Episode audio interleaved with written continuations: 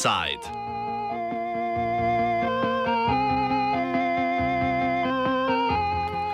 Premalo, prepočasi, prepozno.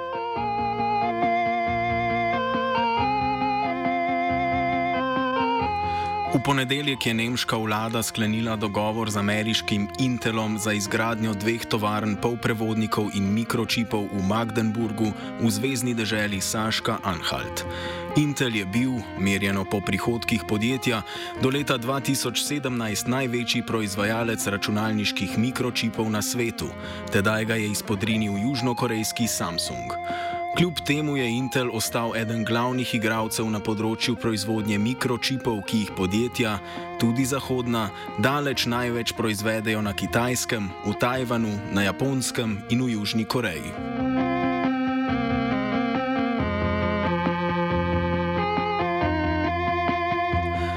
Luči ameriško-kitajske trgovinske vojne, ki jo vele sili bijeta, da bi si zagotovili prevlado pri proizvodnji napredne tehnologije in kontrolo nad globalnimi dobavnimi verigami, je Intelova investicija v Nemčiji del prebujanja interesov evropskih držav, ko gre za proizvodnjo mikročipov in polprevodnikov na evropskih tleh. Evropska komisija je lani, spodbujena z zastoji v globalnih dobavnih verigah mikročipov med pandemijo COVID-19 in ameriško ameriškim zakonom za spodbujanje proizvodnje polprevodnikov in mikročipov na ameriških tleh predlagala uredbo znano kot Akt o čipih. Pred dvema mesecema sta Evropski parlament in Evropski svet dosegla načelen dogovor o vsebini uredbe, ki je tako tik pred tem, da stopi v veljavo. Namen Evropske komisije je z uredbo spodbuditi 42 milijard evrov zasebnih in javnih investicij v proizvodnjo polprevodnikov in mikročipov na evropskih tleh. Polprevodniki, denimo silici, so osnova za proizvodnjo čipov, denimo grafičnih kartic in procesorjev.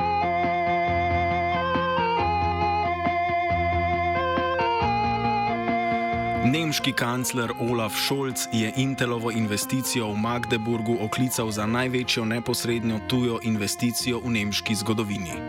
Ameriško podjetje in Nemčija bosta v projekt investirala 30 milijard evrov, od tega bo država po poročanju nemških medijev primaknila približno tretjino, torej okrog 10 milijard subvencij. Po prvotnem dogovoru bi Intel v projekt uložil 17 milijard evrov, država pa nekaj manj kot 7. V ponedeljek pa so naznanili nov pogovor. Potek pogajanj med vlado in Intelom pojasni ekonomist Torben Januš. The initial investment was 6.8 billion euros, which was already um, yeah, accepted by the government to fund that for the Intel um, uh, for the Intel side. But afterwards, uh, Intel argued that the costs uh, are much higher, for example, because of the um, higher energy costs and the higher construction costs that uh, apparently uh, came through. So, this is on the one hand the argumentation from the Intel side, and from the German perspective, it's probably easier to when you have already agreed to 6.8 million that uh, you go up to 10 billion. Uh, that's, for example, what the German uh, economist, economics minister Robert Habeck said. Uh, yeah, who more or less told that uh, such a high investment should not be allowed to fail because of 3 billion euros. Intelova investicija v Magdeburgu ni edina načrtovana investicija v proizvodnjo mikročipov v Evropski uniji. Intel načrtuje tovarno še v Vroclavu na Polskem, drugo ameriško podjetje Wolfspeed pa v nemškem Posarju. Nemčija se pogaja tudi s tajvanskim podjetjem TSMC, ki ima največji tržni delež polprevodnikov na svetu, da bi del proizvodnje preselil v Nemčijo. Noben projekt se ne more primerjati s tem, za katerega se je nemška vlada z Intelom dogovorila v ponedeljek. I don't know of a spanning of our government funding that is as big as this one in Magdeburg. Maybe I should also mention that this is the biggest uh, foreign investment ever um, that was ever made in Germany. So it's really unusual. Um, there are smaller ones. There's, for example, a battery uh, production site plant in uh, Dresden, also in the uh, east of Germany, which is also, as I said, more or less the economical weak, weaker region of Germany. Um, and I think in Saarbrücken, which is in the west of Germany, close to France, um, there's also there's also planned uh, a chip production site, but not as big as in Magdeburg. So there are a lot of smaller um, uh, production sites that are planned, but not as big as uh, the one with the 10 billion funding.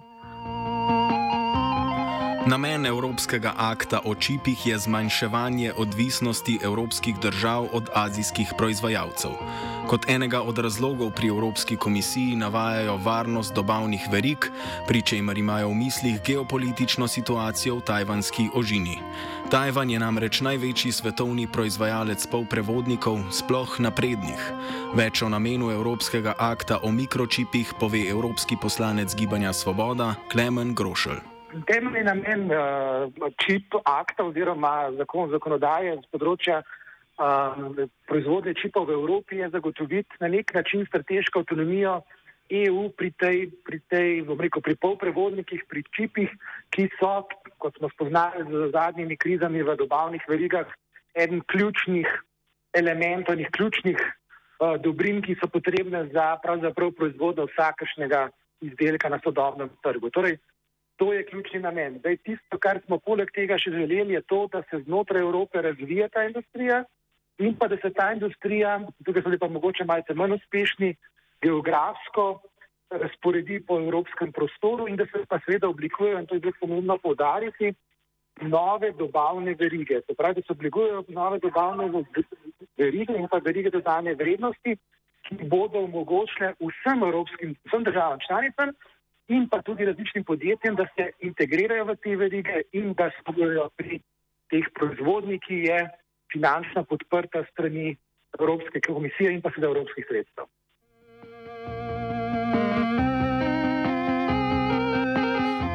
Projekt tovarne mikročipov v Magdeburgu je del prizadevanj za povečanje proizvodnje mikročipov in polprevodnikov v Evropski uniji. Kot pojasnjuje Torben Januš, ima nemška vlada tudi notranje politične in gospodarske razloge za projekt, kar se kaže v izbiri lokacije. It's located in Magdeburg, and Magdeburg is still one of uh, Germany's weakest uh, economic regions. So the German powerhouses uh, are like the cities in the south, for example, Munich, Stuttgart, or in the west and the Rhine-Ruhr area. So an investment that big in Magdeburg is really attractive for helping people to get jobs and developing a region in Germany that is economically underdeveloped right now, I would say. Z vidika neposrednih gospodarskih koristi za Nemčijo dogovor po mnenju sogovorca sicer ni dober, kar je pripeljalo do nasproti znotraj vladajoče koalicije. in the politics there are different uh, considerations. For example, the federal government that may uh, that right now consists of three different parties in Germany. There's, for example, the Liberal Party with the finance minister Christian Lindner, who is against this additional funding, who is who mainly says that it's not the um, yeah it, it, shouldn't be the state who is funding these uh, new production sites.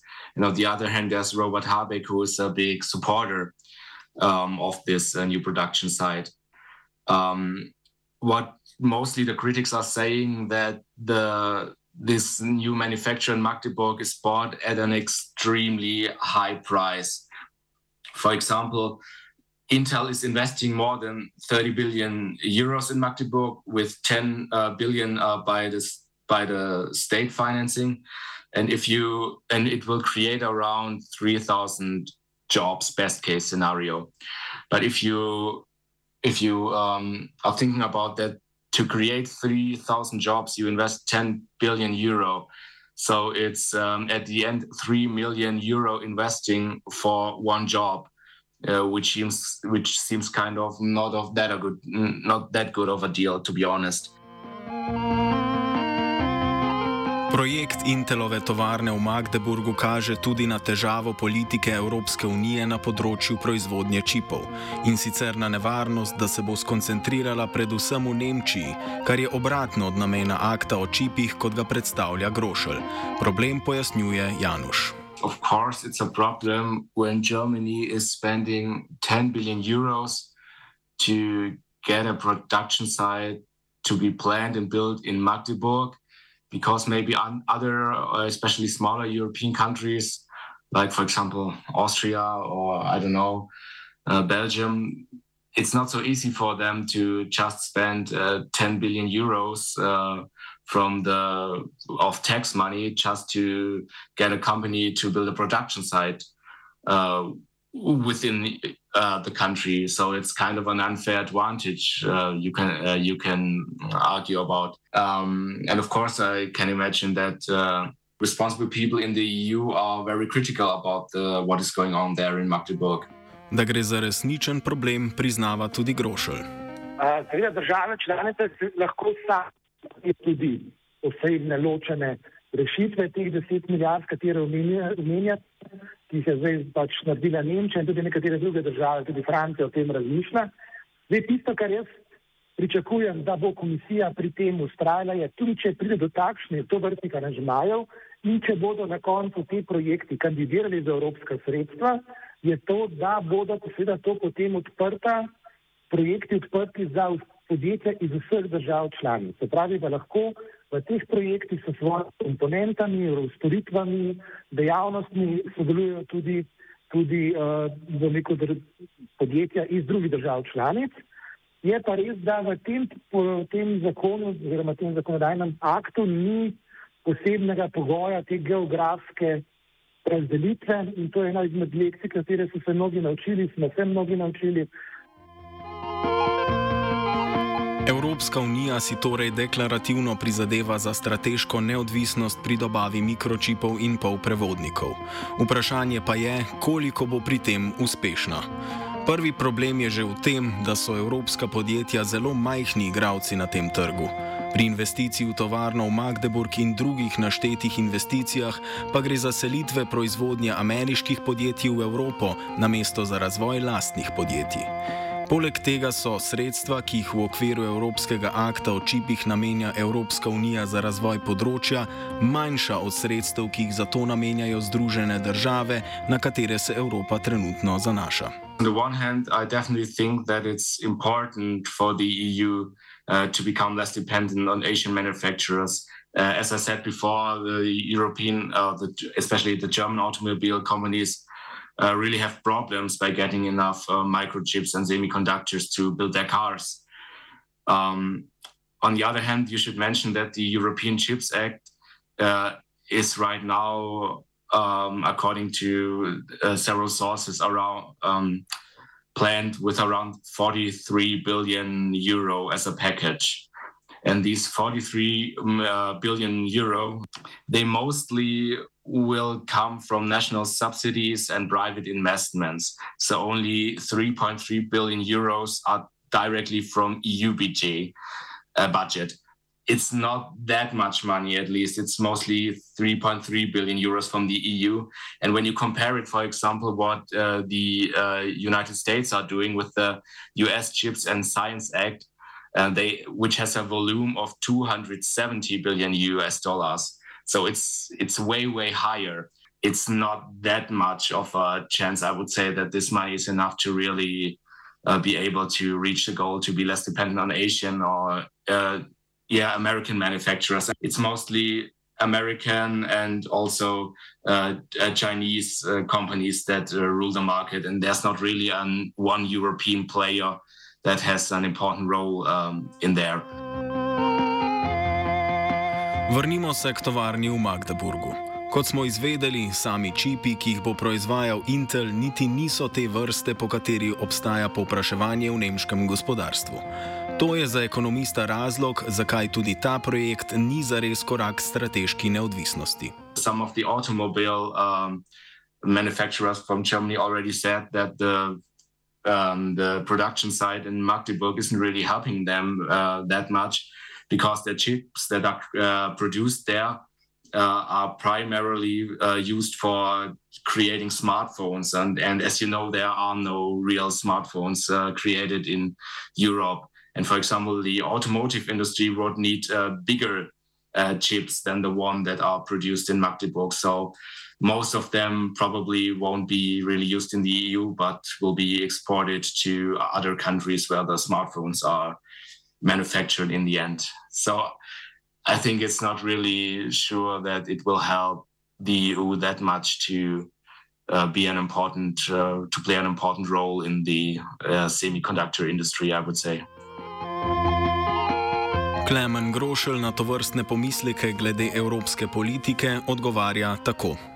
Tukaj gre za prenos tehnologij. Se pravi, tukaj treba priznati, da Evropska unija določene tehnologije na tem področju imamo, določenih pa nimamo.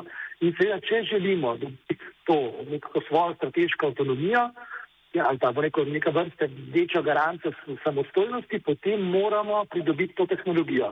Zdaj ta tehnologija je na voljo praktično v dveh virih, oziroma treh. En vir je Združena Amerika, drugi vir je Tajvan, tretji Južna Koreja, ostali so viri, ki recimo nekako v tem trenutku zaradi različnih geopolitičnih razlogov niti niso tako zelo sprejemljivi. In tukaj seveda v prvi fazi bo prihajalo do tega, da bodo to ameriška podjetja, verjetno tudi azijska podjetja, predvsem iz Tajvana in pa iz Južne Koreje. Ampak dolgoročni cilj pa je, da s tem, ko tehnološko pridobivamo to osnovno znanje, se hkrati tudi ogromno denarja je namenjenega za razvoj in raziskavam na tem področju. Se pravi, da Evropska unija na eni strani prvimi koraki dohiti na tem tehnološkem področju svet, ali pa najbolj konkurenčna podjetja in države in potem skozi razvoj in nove tehnologije, nove inovacije naredi korak naprej in se potem zagotovi to strateško avtonomijo. Treba zavedati, da je to tudi posledica dejstva, ne samo, da proizvodne v Evropi ni, ampak da tudi mnogih tehnologij na tem področju enostavno v Evropi nimamo. Kratkoročno strateške neodvisnosti Evropske unije torej še ni na vidiku. Evropa je, kot ponavadi, tudi tu prestrašeno ujeta med Kitajsko in Združene države Amerike.